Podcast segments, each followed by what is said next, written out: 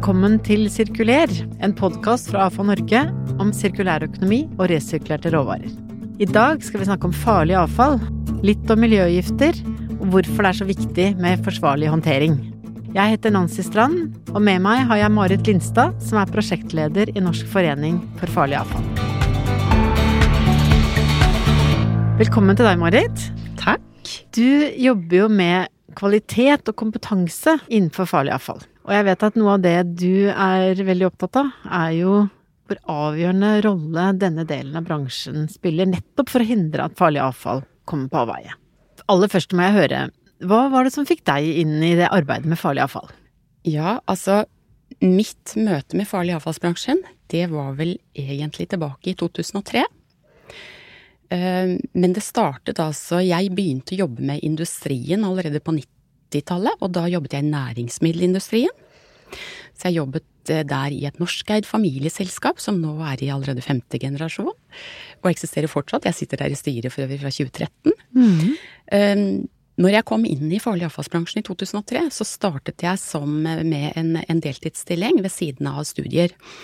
Um, da kom jeg inn i NOAH og det var jo på mange måter det stedet å starte når du skrev en oppgave inn på masternivå innenfor kvalitetsledelse og prosjektledelse. Så det var et, et godt sted å starte, mm. med mye kompetanse. Så det som egentlig var en innleid konsulent for tre måneder, det ble faktisk til nesten fem år totalt, da. Ikke sant. Og det Jeg tror i, i, likhet med mange i denne bransjen, så kommer man eh, innafor på en eller annen måte, så kommer man på sett og vis aldri ut igjen. Og så gikk jo da etter de årene i NOAS så gikk jo veien videre til bransjeorganisasjonen NFFA. Og da mer eller mindre som en fast ressurs fra 2008. Og mm. der var eh, tidlig, altså det var Roar Hansen, eh, tidligere kollega i NOAH, generalsekretær, og jeg har vel egentlig vært da så heldig å få jobbe med NFFA og Roar siden den mm. tid. Og jeg må jo si da at jeg oppfatter å være en del av en løsningsorientert bransje. Og jeg må tillate meg å si at jeg med stolthet ser at det er en bransje som bidrar til å skape et giftfritt miljø og en forurensningsfri framtid for våre etterkommere. Mm. Ja, det er ingen dårlig overskrift over, eh, over en, eh, en, en, viktig del av avfallsgjenvinningsbransjen. Men noen, eh, i hvert fall de som er ekstra sportsinteresserte, vil jo kanskje kjenne igjen navnet ditt fra, fra mm, idrettsbanen? Ja, det kan nok være det. Altså, jeg spilte jo håndball på elitenivå i Lunder i svært mange år. Eliteserie. Eh, det gjorde jo at når jeg jobba da i næringsmiddelindustrien, så jobbet jeg deltid, nettopp av håndballsatsingen. Og jeg ser jo det at mye av metodene jeg bruker i prosjektsammenheng, som også kommer litt tilbake til etterpå, da jeg henter mange ideer fra idretten. Mm. Og jeg var jo da i et fantastisk miljø i, i Lunder, ja, ja, i mange år. Da er du i hvert fall vant til å tenke både samarbeid og, og, og lag, eh, lagånd. For en, en lytter nå som ikke jobber med, med farlig avfall selv, så mm, kan vi prøve å si litt om hva farlig avfall egentlig er? Ja, da har jeg lyst til å starte med å si at det er jo først når produkter, utstyr, stoffer, stoffblandinger, når de kasseres, det er først da det farlige avfallet oppstår. Og, og farlig avfall inneholder helse- og eller miljøfarlige stoffer som kan medføre alvorlig forurensning eller skade på mennesker eller dyr dersom det ikke håndteres forsvarlig. Så det skal jo da som hovedregel ikke blandes med annet avfall, men samles inn og behandles av profesjonelle aktører. Mm. Og dette nettopp for å unngå spredning av miljøgifter. Og det er jo også sånn at vi får stadig mer kunnskap om stoffers farlige egenskaper, og heldigvis for det, om hvilke produkter stoffene brukes i, og det kan nok selvfølgelig være noe av årsaken til at andelen farlig avfall stort sett har økt de siste årene. Ja. Altså, for en, for en, for en forbruker, da, når vi er hjemme hos oss selv, er Det er jo Vi møter jo eh, kjemikalier, ulike typer stoffer, eh, kanskje på steder som vi ikke tenker over til daglig, i hvert fall. Mm. Ja, nei, det er jo svært viktig det du sier. og fordi farlig avfall kan selvfølgelig være, og de store fraksjonene kommer jo gjerne fra oljebransjen og industrien. Men det kan selvfølgelig være avfall fra bygg- og anleggsaktivitet, frisører, renserier, hudpleiesalonger osv. Men som du nevner, det er jo ikke minst avfall fra husholdning. Og det er jo produkter rundt oss som når de kasseres og blir farlig avfall, fordi de kanskje inneholder kjemiske stoffer, det er jo det som gjør at vår bransje, som består av profesjonelle og myndighetsgodkjente avfallshåndterere, skal sørge for forsvarlig håndtering av det videre. Mm. Og det er jo som du sier at eh, altså disse helse- og miljøfarlige stoffene, de er i produktene vi kanskje har på badet vårt, kanskje under kjøkkenbenken, kanskje i klesskapet, gjerne i garasjen, osv. Ja. Eh, hvis vi skal eh, nettopp ta noen eksempler på produkt som vi nettopp er avhengig av at man behandler særskilt, og tar ekstra hensyn når det er vel riktig å si at uh, så er vi like flinke til å ta vare på og behandle ordentlig, vi som forbrukere, når vi snakker om malingsskvetter og, mm. og kjemikalier og spraybokser og kanskje en oljerest og mm. Ja, nei, det er, jo, det er jo faktisk mange eksempler på stoffer og stoffblandinger og produkter som både kan representere fysisk fare, helsefare og miljøfare dersom det ikke håndteres forsvarlig ved, ved kassering.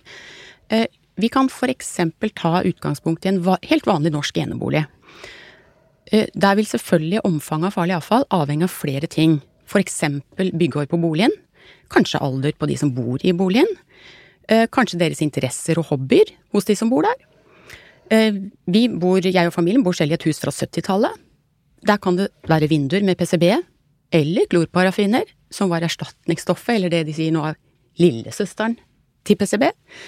Det er som sagt avhengig av byggeår, hva det inneholder. Det kan være ytterdør eller terrassedør som kan være isolert med det som heter polyuretanskum, som inneholder en fluorholdig gass. Det kan være at man har en tyverialarm som kanskje inneholder et bly- eller kadmiumbatteri. Det kan være lysstoffrør og sparepærer, eller en gammel lysarmatur som inneholder PCB. Det kan være en varmepumpe som inneholder fluorholdig gass. På barnerommet så står det kanskje et par blinkesko, og de viser seg faktisk å inneholde et bitte lite knappcellebatteri. Mm. I, kjelleren, I kjellerstua så kan det være en plate på veggen bak en vedovn. Kan den inneholde asbest? Og så var det kjøkkenbenken som vi snakket om. Der står det kanskje en del rengjøringsprodukter. Det kan være klor, det kan være salmiakk, det kan være en avløpsåpner av merket Plumbo. Går vi inn på badet, så står det kanskje en neglelakkfjerner med aceton. Det kan være noen hårfjerningsmidler. Vi går ned i kjelleren.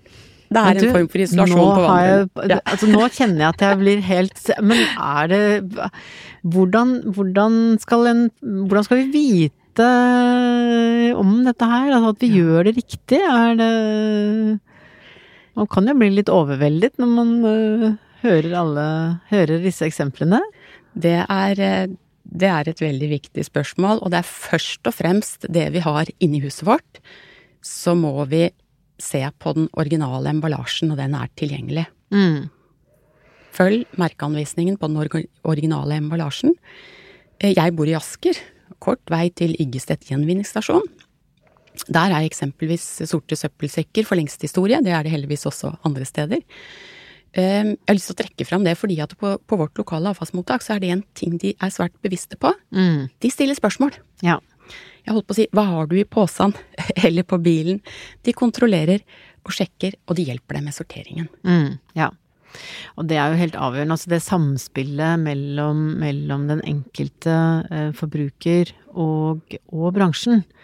Er alle like gode, syns du? Altså hva er liksom eh, Når man skulle Man ser litt utover det ganske land, da. Eh, og du sitter i, i den, den, nasjonale ekspertorganisasjonen, vil jeg jo si at Norsk forening for farlig avfall er.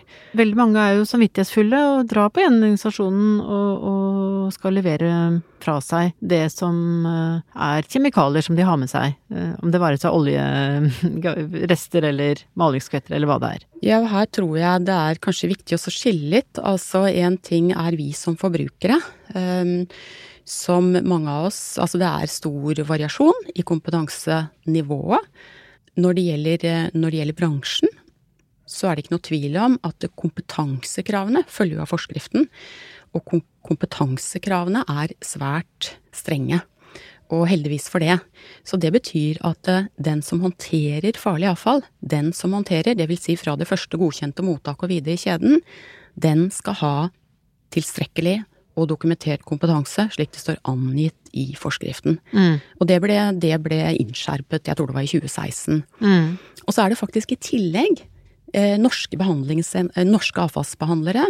De har i tillegg en eh, tillatelse tilknyttet den lokasjonen eller det anlegget de driver. Mm.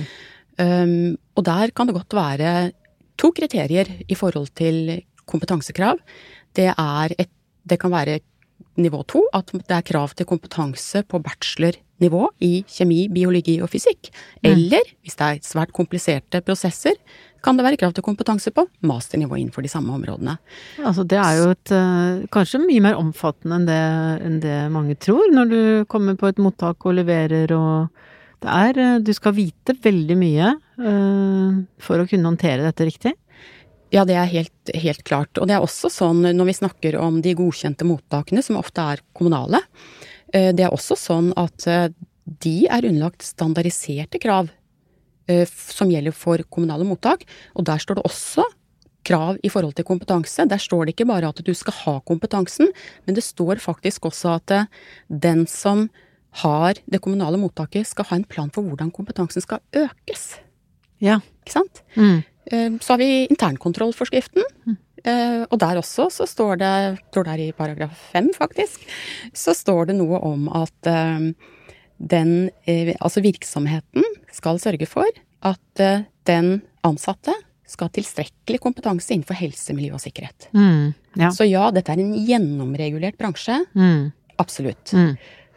Og det, det, det som vi, vi, ser, altså du, du noen ganger tenker jeg når bransjen er samlet, så, så, kan du nesten se de som jobber med farlig avfall, for det er en veldig dedikert uh, gjeng, vil jeg si.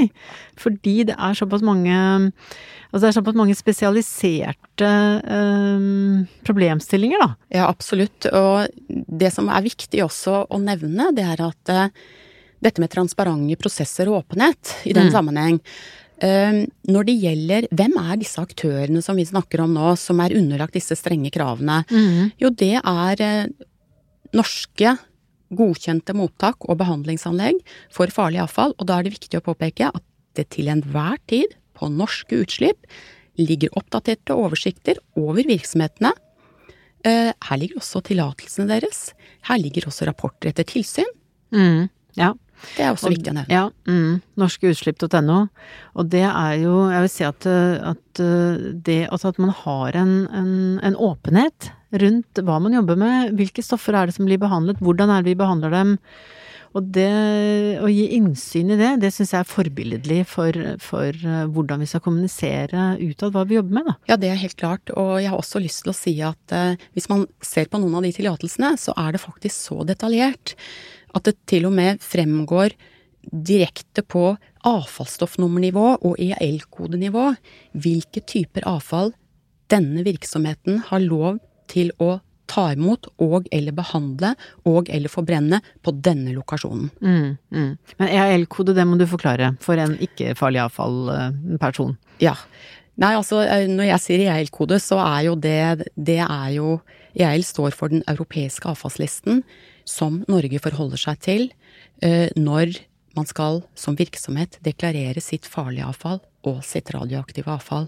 Så det er rett og slett en avfall basert på opprinnelse som tilordnes når man registrerer inn avfallet mm. i avfallsdeklarering.no, som er det norske digitale systemet. Ja. Det er i tillegg sånn, jeg kan nevne det da, at uh, Norge også har en, en, nasjonal oversikt over avfallsstoffnummeret. Det er det ikke alle andre land som, som har, Nei. men det gjør f.eks. at Norge har ganske gode statistikker på farlig avfall mm. per avfallstype, da. Mm. Men hvor langt vil du si at vi har kommet da, når det gjelder å, å nettopp eh, å klassifisere det stand, på standardiserte måter, um, og vite at alle mottak deklarerer likt, uh, mm. at det er en, en, en bransjestandard som, mm. som, er etablert? Er vi, hvor langt har det kommet, syns du? Mm. Nei, jeg syns jo det har vært god framdrift innenfor dette med standardisering. Og så har jeg først å ta bare et lite skritt tilbake og si, når vi snakket om dette også med Eh, den som gjør jobben her også, da, på anleggene, noen av disse kompetansekravene vi snakket om, de er faktisk på personnivå. Det er den som håndterer, det er på personnivå. Men det jeg snakket om i internkontrollforskriften, er under ansvar av virksomhetens ledelse. Mm. Når det gjelder dette med standardisering, som er svært viktig og svært sentralt, så mitt inntrykk da, det er jo at det er framdrift innenfor området. Hva skal vi si, det fremmer kanskje forenkling, det fremmer effektivisering. Ehm, jeg tror nok kanskje at standardisering jeg tror det vil gi en større forutsigbarhet og kanskje likere rammevilkår. Mm. Um, og da litt tilbake til det vi snakket om i stad, den europeiske avfallslisten. Altså når vi snakket om den norske avfallsstoffnummeroversikten som den norske farlige avfallsbransjen forholder seg til, så er jo den nettopp basert på en norsk standard. 9431, som, som den, den, er fra to, 2011, og heter, det er klassifikasjon av avfall, da. Og det er den som ligger til grunn for avfallsdeklarering.no, som, som jeg nevnte, er det elektroniske system, systemet for deklarering av farlig avfall og radioaktivt avfall. Um, mm. Og så kan du si, akkurat når vi snakker om standarder, så er det jo det er jo svært viktig at det er oppdatert. og jeg nevnte 2011 på denne. Så det er klart at eh, det er jo mine, flere av mine kollegaer og medlemmer i NFFA som sier at man burde faktisk vurdere f.eks. egne avfallsstoffnummer for kategorier av farlig avfall med potensial for gjenvinning, som per i dag kanskje inngår i såkalte sekkeposter. da. Mm, det er noe å ta tak i ved en eventuell revisjon. Ja, ikke sant. At, at uh, i dag er det litt sånn grove kategorier, og med den kunnskapen vi har i dag, så kan de bli bedre ved å, å skille ut uh, mer detaljert. Og så er det også, når vi snakker da om det digitale systemet for deklarering av farlig avfall og radioaktivt avfall, så er avfallsdeklarering.no det er foreløpig begrenset til avfallet er levert i første godkjente mottak, og så stopper det. Mm. Det er slik at når du, hvis du har en virksomhet, har deklarert ditt farlige avfall, så skal det deklarasjonsskjemaet følge helt ut kjeden. Ja. Men systemet stopper ved første godkjente mottak. Så, så, det er faktisk sånn at vi i NFFA og våre medlemmer vi ser frem til at Miljødirektoratet fullfører deklar deklareringssystemet, sånn at det omfatter hele verdikjeden mm. fram til sluttbehandling. For nettopp det vil gi bedre sporbarhet og oversikt også over nedstrømsløsningene, selvfølgelig. Ja, ikke sant. Og da kan man virkelig få en, en full oversikt over hva som skjer med, med avfallet hele veien fram på, gjennom en digital løsning, da. Og det, det har vi jo um, Når vi snakker om sirkulær økonomi og forsvarlig håndtering av uh, avfall som inneholder miljøgifter, så er jo det, nettopp dette med digitalisering og, og sporbarhet i forhold til hvor avfallet går hen. Så det, det, ser vi fram til. Og det er, det er vel uh, nettopp som du sier at det er så mye kompetanse som kreves. Så, så er vi også avhengig av at systemene utvikles uh, fortløpende. Ja, ja og dette, dette har definitivt kommet for å bli. Ja, ikke sant. Men altså, eh, siden vi snakket om dette med alle de produktene som, som, vi har hjemme, som inneholder miljøgifter, og som vi er veldig opptatt av eh, skal håndteres eh, forsvarlig. Hva tenker du er ansvaret til, til, den enkelte i forhold til det ansvaret som bransjen tar? Altså, alle har jo ansvar for å hindre forurensning. Ja. Eh, det, det, det, skal vi vite, alle sammen. Eh, når det gjelder f.eks. Altså stoffer med farlige egenskaper, det kan være at de er etsende, irriterende, miljøfarlig, brannfarlig, giftige etc., så er det, jo, det er det jo slik at eh, mange av de stoffene er der nå. Vi må forholde oss til de. Men så lenge på en måte Altså produkter og stoffer, når det blir avfall Altså det er jo det å sørge for den forsvarlige håndteringen og levering til godkjente mottak som er viktig for å sikre forsvarlighet videre i kjeden. Mm, ikke sant? Mm. Så det kan vi slå fast at det aller viktigste man kan gjøre selv, er jo å ta hånd om det på en god måte, og så levere det til et, til et godkjent mottak. En, en, for de aller fleste vil det være en gjenvinningsstasjon, eller at man sørger for at det blir hentet av noen som kan håndtere det riktig. Og det er jo litt sånn i denne bransjen at eh, det er litt av det som er stikkordet vært for NFFAs opplæring, det er dette med bevisstgjøring. Ja. Dette med bevisstgjøring til enhver tid, og det er jo enten du er forbruker eller du er en profesjonell aktør. Og vi pleier ofte å bruke, altså la oss si de som står på La oss si de som står i avfallsmottaket, det er i den såkalte førstelinja, som jeg liker å kalle det. Altså, det er så enkelt som rådet kan være at tenk følgende Altså, hva, hva kan gå galt her hos meg? Hvordan skal jeg hindre at det går galt? Og hva skal jeg gjøre når det går galt? Ja. For du kan si at vi jobber hele tiden med å minimere risiko, men ting skjer. Og vi skal være forberedt på det uforutsette. Det er viktig. Mm. Og så vil jeg si at uh, de som jobber med farlig avfall, sørger for at miljøgiftene tas ut. Sørger for at miljøgiftene ikke blir med videre når vi skal uh, nettopp uh, sørge for en sirkulær økonomi og mer materialgjenvinning. Men er det eksempler på, på um, noe som i utgangspunktet er et farlig avfall, men som vi kan klare å, å også utnytte materialgjenvinnende og la de gå videre? Ja, altså når vi begynner å snakke om dette med resirkulering, da, så er det jo veldig, veldig viktig at det er, det er, ressursene i det farlige avfallet som kan og bør resirkuleres. Altså det er jo det farlige avfallet som sådan skal jo ikke resirkuleres. Altså det er de nyttige, de ikke miljøfarlige stoffene. De skal på en måte, de skal hentes ut og gjenbrukes. Og det kan være som nye, hva skal jeg si, jomfruelige innsatsstoffer i ny industriproduksjon. Og det er jo selvfølgelig da sånn at alt dette forutsetter at teknologien er der, at økonomi er på plass, og at det er et marked som etterspør, etterspør det. Det er jo sånn i dag at det er flere fraksjoner av farlig avfall som, som hva skal jeg si, under gitte forutsetninger eh, ligger i hvert fall godt til rette for å bidra til økt materialgjenvinning. Um, og noen av disse materialgjenvinnes allerede. Og altså, vi kan nevne noen aktuelle. Altså, det kan være spillolje, det kan være løsemidler, det kan være filterstøv fra prosessindustrien, katalysator og lysstoffrør, litiumbatterier, ulike komponenter fra e-avfallet. Eh, og som eksempel så kan jeg si, altså la oss ta den første jeg nevnte, dette spillolje. Det er jo sånn at ferdig behandlet spillolje eh, fra norsk avfallsanlegg blir eh, f.eks. brukt som erstatning for tung fyringsolje i større industribedrifter, eller som råstoff i produksjon av smørolje. Så, mm. og det er, jo, det er jo sånn at bransjens ambisjon er definitivt at alt avfall som inneholder verdifulle råstoffer, kommer til ny anvendelse. Mm. Det er jo en, en, ambisjon som hele avfalls- og gjenvinningsbransjen deler. Og nettopp dette med deling, altså eh, jeg vet at, eh, at du er veldig opptatt av dette med, med samarbeid og læring på tvers. Um, hvordan kan vi gjøre hverandre gode? Ja, da, det er jo litt sånn at uh, skal jeg si eh, Ja, jeg brenner for det. Og dette med tverrfaglig samhandling, prosjektorganisering og sånne ting. Altså, jeg må si da at jeg støtter meg veldig ofte på min erfaring fra idretten. Først etter mange år som spiller, men også som leder etter at jeg la opp midt på 90-tallet. Det, det, er rett og slett sånn noen ganger at du må toppe laget ditt. Eh, du må være fokusert på neste oppgave, neste kamp. Du må ha backup, helst på alle plasser. Eh, det gjelder eksempel ikke Altså, jeg har strekspiller på laget. Altså, det gjelder for ikke Du kan ikke ha seks gode strekspillere på et lag. Det er kun én på banen samtidig. Så, så, du må på en måte være sterk på alle strategiske plasser, da. Og, og, du må lage en god taktikk, og du må følge spillereglene.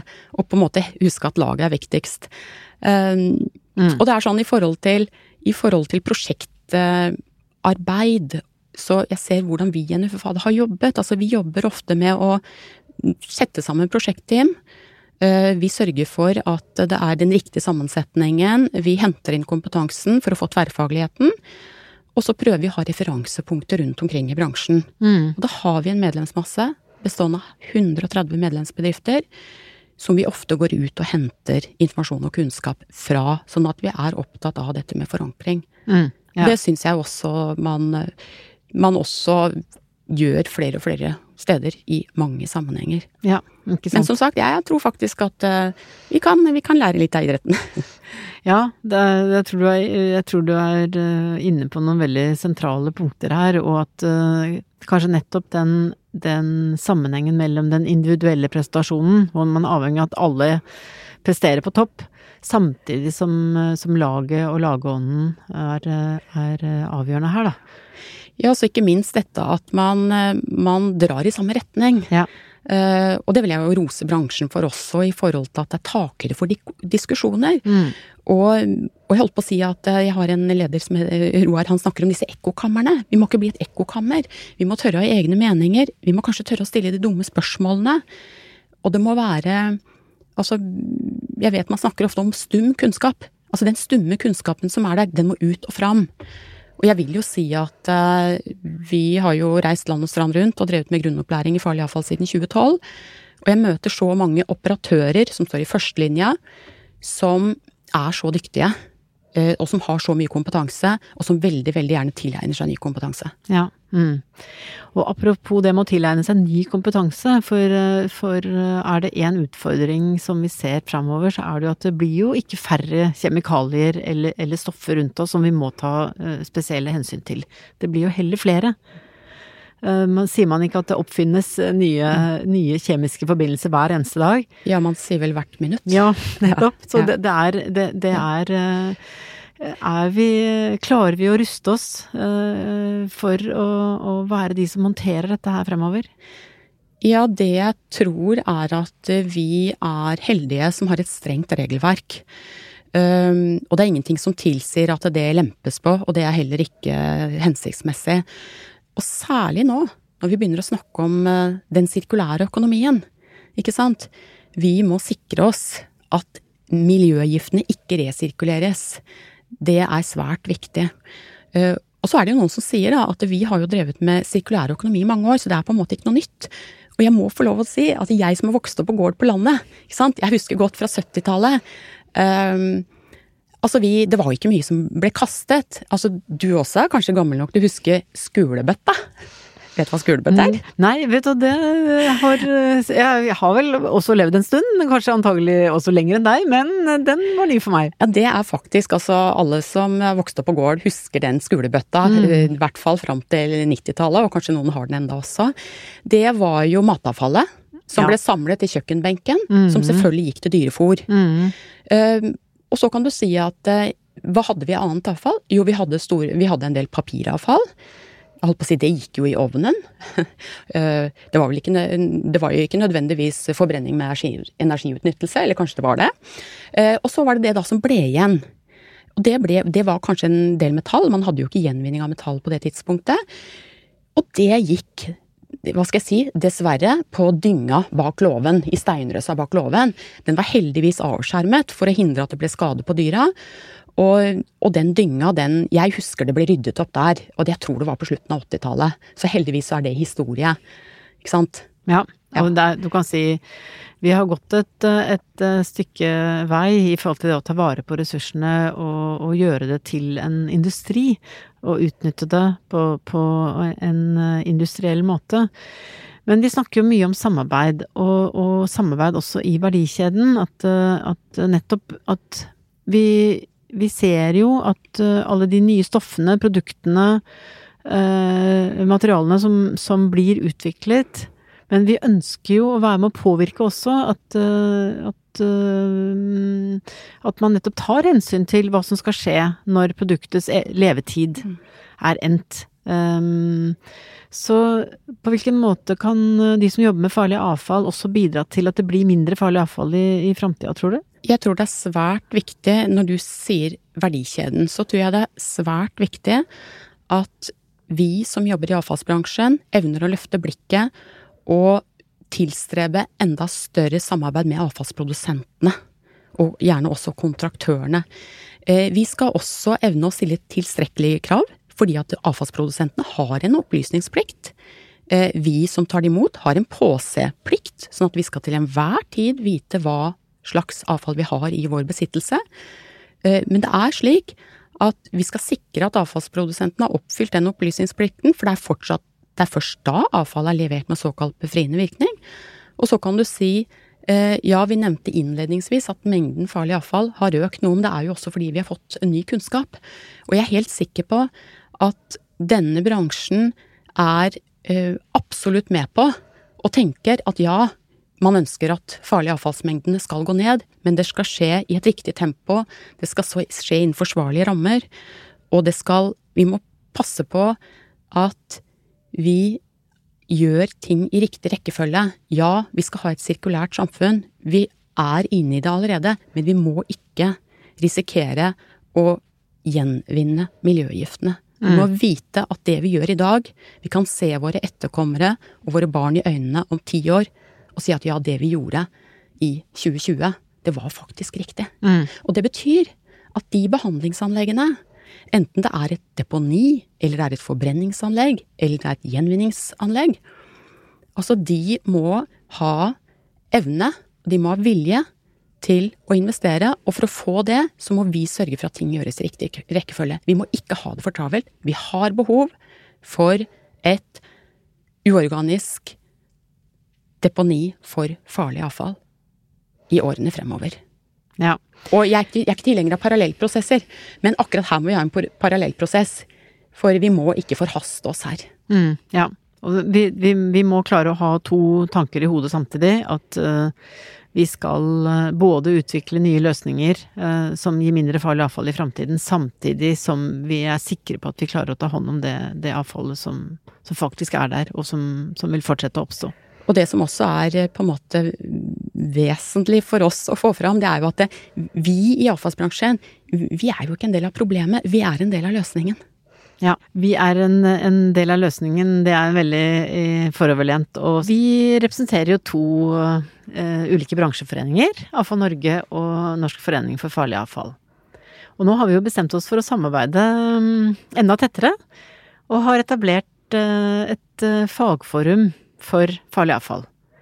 Så hvordan kan vi utnytte det, tror du?